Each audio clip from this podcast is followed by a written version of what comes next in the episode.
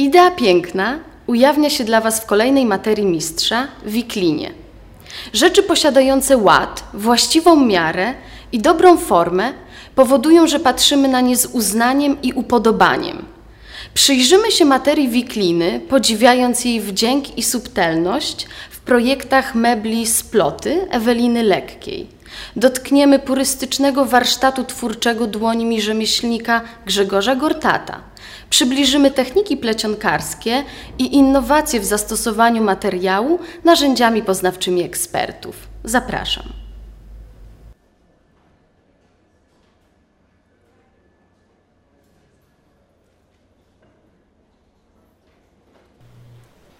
Ewelina, dlaczego w kolekcji mebli Sploty sięgnęłaś właśnie po materię wiklinę? Em, U mnie to się zaczęło właściwie od tego, że ja na co dzień zajmuję się renowacją mebli.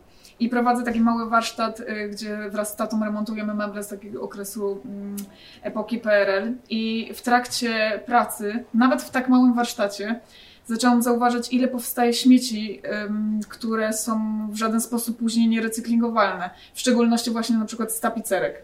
I kiedy zabrałam się za etap projektowania mebli, e, całego tego kompletu sploty, to pomyślałam, że ja nie chcę dokładać swojej cegiełki do tego, żeby meble, które zaprojektuję, potem trafiały do lamusowni i na wywóz święci wielkogabarytowych, gdzie później ta tapicerka będzie się rozkładała przez kilkadziesiąt lat.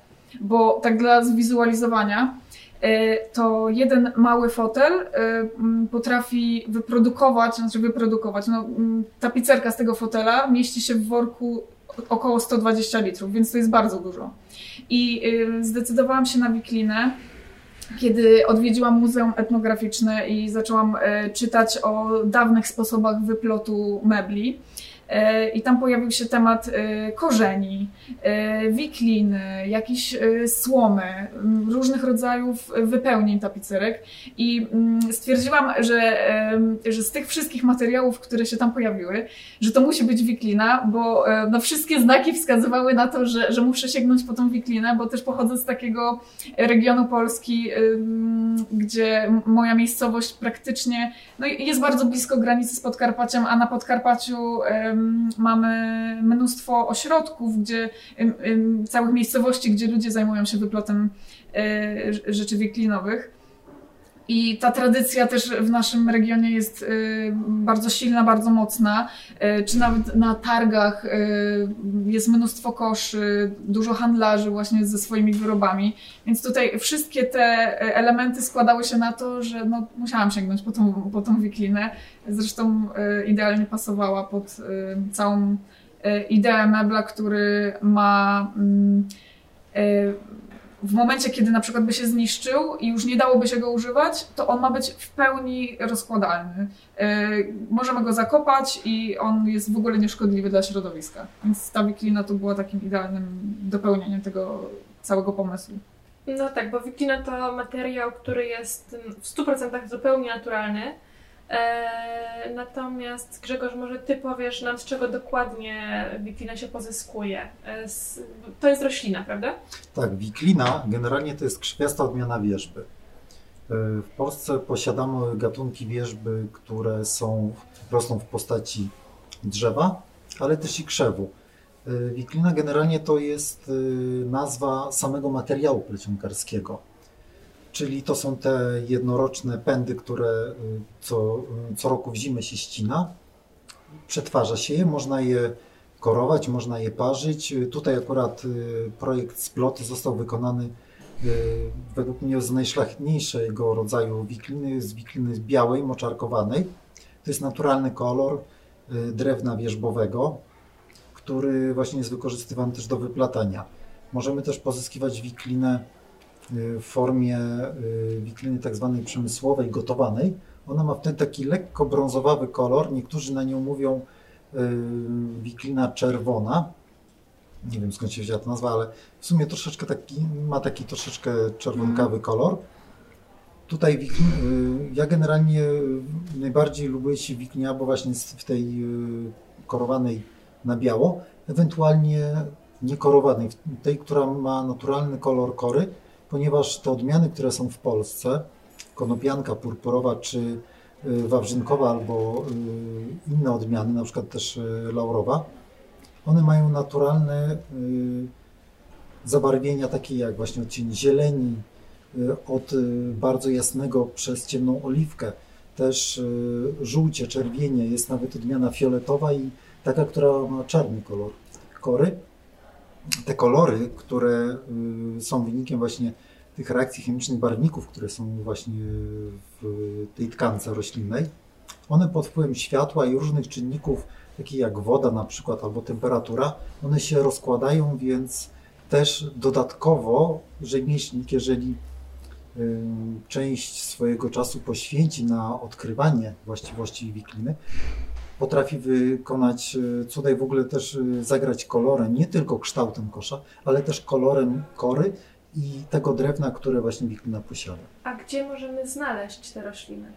Generalnie wiklina rośnie wszędzie tam, gdzie jest woda, czyli nad brzegami rzek, przy jakichś mokrych łąkach, nad jakimiś bagnami. Jesteśmy w Warszawie, także tutaj całe Powiśle, całe nabrzeża Wisły są usiane wikliną. Prosty sposób na znalezienie wiklin to zimą jest najlepiej się przejść nad Wisłę i jeżeli zobaczymy, że z ziemi, z takiej małej karpy. Wyrasta cały pęk y, jednorocznych, cieniutkich patyczków, które się zginają, nie łamią się, to wtedy znaczy, że to jest wiklina i ma właściwości plecionkarskie. A teraz mamy początek sierpnia, e, na dworze jest ciepło, więc chodzimy na spacery, mamy wakacje. E, jak w tym momencie wygląda wiklina? Teraz wiklina jest y, w sumie w szczytowej takiej fazie wzrostu, ponieważ ona rośnie od wiosny do późnej jesieni. Teraz wikliny możemy rozpoznać e, w ten sposób, że patrząc najlepiej z daleka, albo też nawet jak troszeczkę bliżej podejdziemy, widzimy takie kuliste krzewy, niewysokie, takie maksymalnie do 2 metrów, 2, 2,20. sporo. Tak, e, które mm, jak zajrzymy do środka, one składają się z całej masy takich cieniutkich patyczków, na których wyrastają pojedyncze liście. Najczęściej te liście są lancetowate, takie cienkie z takim ząbkowaniem na brzegu. To jest taki najprostszy sposób, żeby rozpoznać właśnie wiklinę. Także jeżeli zobaczymy całą kępę takich cieniutkich patyczków, to znaczy, że to z dużym prawdopodobieństwem jest wiklina. E, pochodzicie z dwóch różnych regionów Polski. E, jak zatem zaczęła się Wasza współpraca? W sumie to wyniknęło tak, że y, ja dostałam do Grzegorza kontakt w trakcie, kiedy powstawał cały projekt i szukałam osoby, która chciałaby się podjąć w ogóle takiego zadania, bo Próbowałam na przykład wcześniej nawiązywać kontakt z rzemieślnikami okolicznymi, ale trochę się obawiali, jakby, jak usłyszeli, że to ma być projekt, który powstaje przy współpracy z Akademią Sztuk Pięknych, i, bo to jest projekt magisterski. E, to była jakaś taka delikatna obawa, że, że, że nie podołają, a Grzegorz w ciemno mówi, dobra, ja się piszę, ja bardzo chętnie, więc tutaj e, od razu nawiązaliśmy współpracę i w ogóle pomoc Grzegorza przy całym projekcie jest znacząca, bo ja myślę, że tak bez, bez Grzegorza to bym nie była w stanie wymyślić technicznie niektórych rzeczy, jak to rozwiązać. I też to, że zdecydowaliśmy się, no bo to w sumie była wspólna decyzja na to, że e, w taki sposób jest ukształtowana ta ramka, e, że ona ma wyplot, który wchodzi wewnątrz e, frezu. Ja może pokażę to na, bo mamy taki nasz wspólny szkic, jak to powstawało. I tak. No to, mm, to był taki pierwszy prototyp tej ramki. I e, tu jeszcze są zachowane detale, gdzie rozpisywaliśmy, e, jak ma być to łączone. I, e, i to, że, że to, ten wyplot powstał właśnie wewnątrz ramki, a nie na zewnątrz, tak jak ja sobie gdzieś tam w pierwszych pomysłach wymyśliłam, no to to jest zasługa Grzegorza i tej naszej współpracy. Tutaj właśnie w tym projekcie widać bardzo dobrze połączenie współpracy projektanta z rzemieślnikiem, gdzie y, projektant daje, rzuca taką myśl właśnie y, i ona później zaczyna dojrzewać. Y, rzemieślnik pytając dokładnie, takie tutaj właśnie mamy te szkice, właśnie rysunki, jakieś takie notatki robione na tym prototypie, Ja pytając Eweliny, czego ona oczekuje, jak to ma wyglądać, zrobiłem taki delikatny wywiad i wtedy już wiedziałem, łącząc właściwości materiału, które ja bardzo dobrze znam, co możemy wyciągnąć z tego projektu jak zoptymalizować końcowy efekt, żeby to było przede wszystkim funkcjonalne, bo to jest najważniejsze, jeżeli chodzi o plecionki, żeby było wytrzymałe i mhm. żeby nie zatracić tej pierwotnej myśli tego projektu i e, tej wizji projektanta. Także tutaj jest klasyczne połączenie wizji projektanta, który daje jakiś pomysł i wiedzy mhm. rzemieślnika, który tak naprawdę nie rywalizuje z projektantem, tylko razem współpracujemy i idąc tą drogą, każdy po kroczku, spotykamy się w połowie drogi i wychodzi właśnie e, w pełni użytkowy i też estetyczny produkt. Ewelino, to jest Twoja praca magisterska, praca dyplomowa. Domyślam się więc, że metoda dydaktyczna stosowana u Ciebie na uczelni, na SP w Krakowie, wpłynęła w pewien sposób na to, że w ogóle zdecydowałaś się na taki rodzaj współpracy z rzemieślnikiem. Yy, tak, bo yy, jeżeli chodzi o kwestię drewna, to byłam sobie w stanie sama to wszystko zrobić i to wykonywaliśmy e, w garażu z tatą, razem kombinowaliśmy, e, jak, co tu można jeszcze wykombinować jakoś inaczej, e, jak może wykorzystać to drewno w inny sposób niż do tej pory jest to robione, albo jak ukształtować to drewno tak, żeby mm, powstało coś wyjątkowego. A w przypadku wikliny to no, potrzebowaliśmy jednak pomocy kogoś, kto ma doświadczenie z materiałem. E, pomimo tego, że w, w pracowni e, Ani Szwaj, która e, ma sporo projektów, które wykorzystuje takie naturalne materiały, jak właśnie przykładowo jak wiklinę czy rogożynę, dużo plecionkarstwa, to jednak potrzebowałyśmy pomocy osoby, która jakby spojrzałaby na ten projekt i powiedziała nam, co da się zrobić, a co nie. No i, i tak też trafiłyśmy do, do Grzegorza. E, teraz już jesteś absolwentką Akademii Sztuk Pięknych w Krakowie, artystką. E, z kolei Ty, Grzegorzu, nazywasz sam siebie twórcą ludowym i zajmujesz się no, nie tyle designem, właśnie co rekonstrukcją dawnych form. Czy macie takie wrażenie, że współpracując razem, musieliście pogodzić ze sobą dwie zupełnie odmienne perspektywy? Mm. Dla mnie w sumie e, chyba nie, że jakby tutaj mm, od razu jakby złapaliśmy taką liść porozumienia, bo yy, ja się sporo też słuchałam tego, co mi doradzałeś, też, że yy, yy, tak przykładowo, to dzięki Grzegorzowi zostało pomyślane to, że w parawanie i w siedziskach jest taki, a nie inny wyplot zastosowany, bo E, to jest wyplot, który jest stosowany e, szczególnie właśnie przy parawanie e, przy płotach wiklinowych i ładnie tutaj korespondowało to z tą ideą, że parawan służy do osłaniania, do odgradzania i płot również ma służyć do osłaniania, do odgradzania.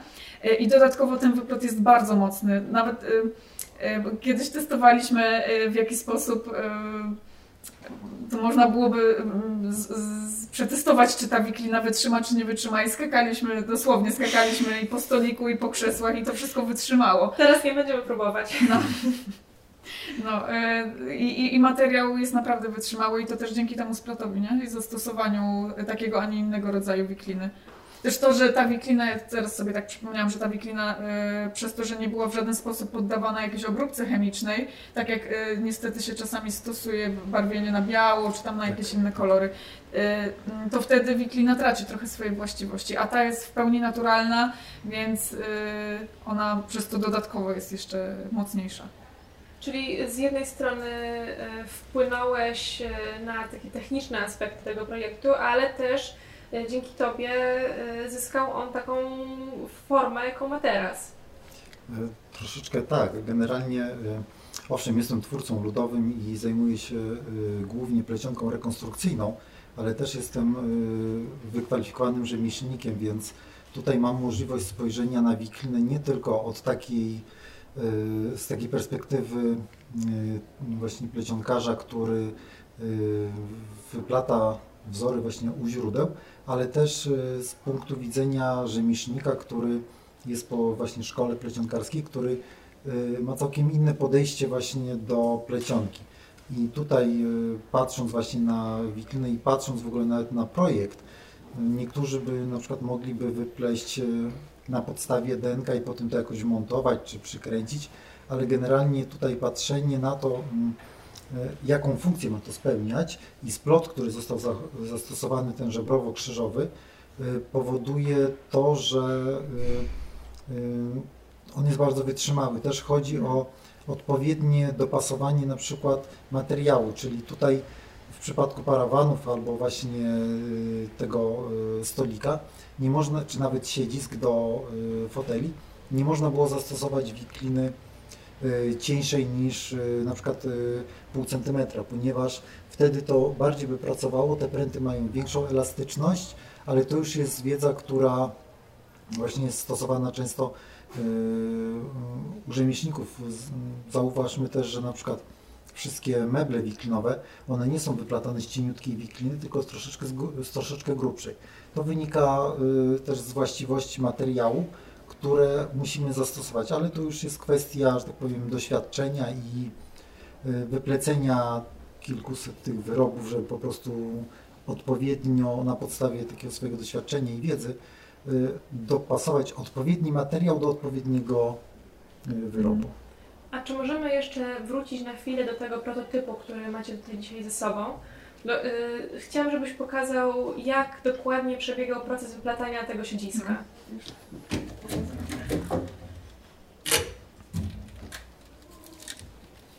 to tak, na początku musieliśmy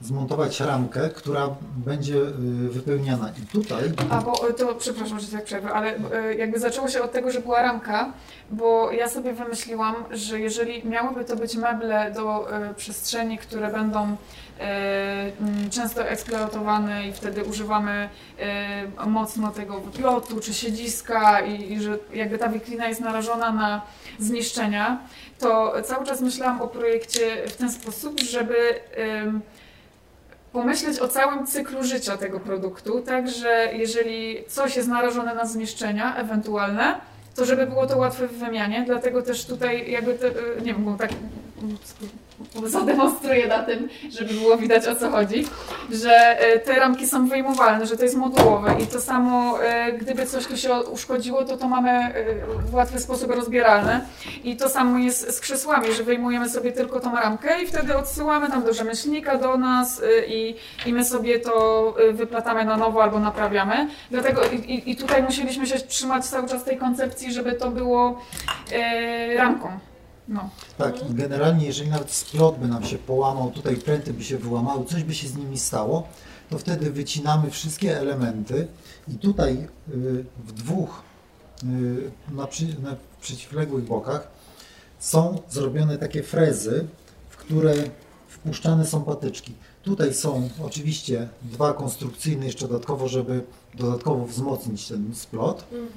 i po prostu docina się patyczki na długość tutaj ramki plus jeszcze ten no. frez, mhm. tak, który tutaj mamy i te patyczki są tak po centymetrze wpuszczone w tą ramkę. Także nawet jeżeli y, tutaj z wikliną coś się stanie, ulegnie jakiemuś zniszczeniu, wtedy rzemieślnik może wyciąć cały splot, wyjąć go, ma ramkę, którą od nowa wypełnia kolejnymi patyczkami. Patyczkami, które y, się które rozłożą, które nie tak, zanieczyszczą tak, potem tak, znowu tak, środowiska. Tak, tak, tak, naprawdę można to nawet zakopać w ogródku i to po prostu zaraz y, za chwilę się rozłoży. Oczywiście. Tak, tak, bo no to jest natura i wraca do natury i, i cały czas jakby Y, ja nie chcę przyłożyć się do tego, żeby powstawały jakieś kolejne śmieci czy mm, wypełnienia moich produktów, które później byłyby no, nierozkładalne, więc tutaj jeżeli tylko coś jest mojego projektu, bo wiadomo, że no to w meblach PRL to jest inaczej, bo to się odtwarza coś, co już ktoś zaprojektował, więc to tam czasami trzeba użyć techniki, która była pierwotnie. Natomiast jeżeli tworzy już coś swojego, to dla mnie bardzo ważne jest to, żeby zachować tą taką jakby jedność y, z naturą, to tak może brzmi bardzo poważnie, jedność z naturą, ale żeby nie szkodzić po prostu, żeby mieć jak najmniejszy wpływ na negatywny na środowisko. Tak, tutaj jeszcze dodatkowym plusem jest tych mebli to, że ta wymienialność tego wypełnienia daje nam możliwości, że takie, że można inny kolor wikliny, w ogóle inny materiał tutaj wpleść. Albo wiklinę brązową parzoną, albo niekorowaną, taką bardziej naturalną, y, nieprzetworzoną, ewentualnie tą przemysłową czerwoną, także tutaj ramka jest tylko takim y, nośnikiem tego, co chcemy sobie później w tym zrobić. Czyli to jest taka pełna modułowość. Tak, tak. W każdym stopniu. Dokładnie. I no, to też wiadomo, gdybyśmy na przykład zastosowali inny gatunek y, y, drewna, no bo tu jest akurat y, tarcica bukowa, no to ona ma taki właśnie odcień, który pasuje idealnie pod to, pod, pod ten rodzaj wikliny. Ale gdybyśmy mieli tam jakiś inny odcień, no to można sobie dopasować już kolor wikliny pod konkretny gatunek. Oboje nawiązujecie do polskich tradycji rękodzielniczych. Ty, Grzegorzu, stałam taką praktyką na co dzień. Ty też dołączasz do tego nurtu, e, właśnie współpracując z Grzegorzem, ale też e, jako renowator mebli. E, ale tworzycie dla ludzi, którzy żyją tu i teraz. Pytanie ostatnie, już takie podsumowujące, ale też wybiegające trochę w przyszłość. Jakich zachowań konsumenckich spodziewacie się po swoich odbiorcach? U mnie to. Yy to jest w ogóle e, bardzo ciekawy temat i myślę, że, że to też można byłoby z tego poprowadzić jeszcze jedną e, długą rozmowę. E, ale przy projektowaniu, w szczególności tego zestawu, zanim w ogóle wiedziałam, że zaprojektuję zestaw mebli i przy użyciu wikliny, to zaczęłam interesować się tym, jakie są nowe zachowania e, konsumpcyjne młodych ludzi albo tych przyszłych pokoleń, jakie są tendencje, które cechy charakterystyczne danych pokoleń będą jakby rozwijały się w przyszłości, co zaniknie. I tu ciekawą rzeczą było to, że po przebadaniu kilku pokoleń wstecz wyłapałam sobie kilka cech, które E, będą charakterystyczne dla, no, dla naszego pokolenia i też dla tych przyszłych pokoleń. Bo e, na przykład wzrasta znaczenie takiej, takiego modelu wypożyczania, subskrypcji. E, no już no to widzimy po książkach, nie kupujemy takich e, fizycznie książek, przynajmniej nie tak często jak wcześniej, tylko gdzieś mamy na telefonie, na, na tablecie, mm, albo nie kupujemy płyt, mamy jakieś odtwarzacze, subskrypcje właśnie muzyczne. To samo auta, hulajnogi, rowery. Coraz mniej mamy tych rzeczy na własność i E, podobna sytuacja jest z mieszkaniami, z rynkiem nieruchomości, bo e, pojawiła się taka nowa tendencja e, domów co-livingowych. To się nazywa właśnie konkretnie co-living. I to polega na tym, że wynajmuje się bardzo małą przestrzeń do spania, jakiś mały pokoik i dzieli się tą przestrzeń z obcymi ludźmi, ale ta przestrzeń jest na bardzo wysokim standardzie, ma się duże, e, duży salon, e, jakąś tam kuchnię e, na wysokim standardzie i tam dzieli się meble, które są wspólne. I do takich przestrzeni właśnie myślałam, żeby zaprojektować te meble, bo siedziska są bardzo niskie i stolik też tutaj jest taki dosyć niski i do tego jest parawan. Bo w tych przestrzeniach koliwingowych y, mm, chodziło mi o to, żeby odgrodzić się troszkę od tych y, ludzi może, z którymi y, będziemy mieszkać i w, zaaranżować taką sytuację bardzo luźnego, nieformalnego spotkania, gdzie nie mamy wymuszonych pozycji ciała, jak na krześle bardzo sztywno, tylko tutaj możemy się rozłożyć, usiąść sobie jakoś swobodnie z nogą, czy jakoś się powyginać na tych, y, na tych krzesłach.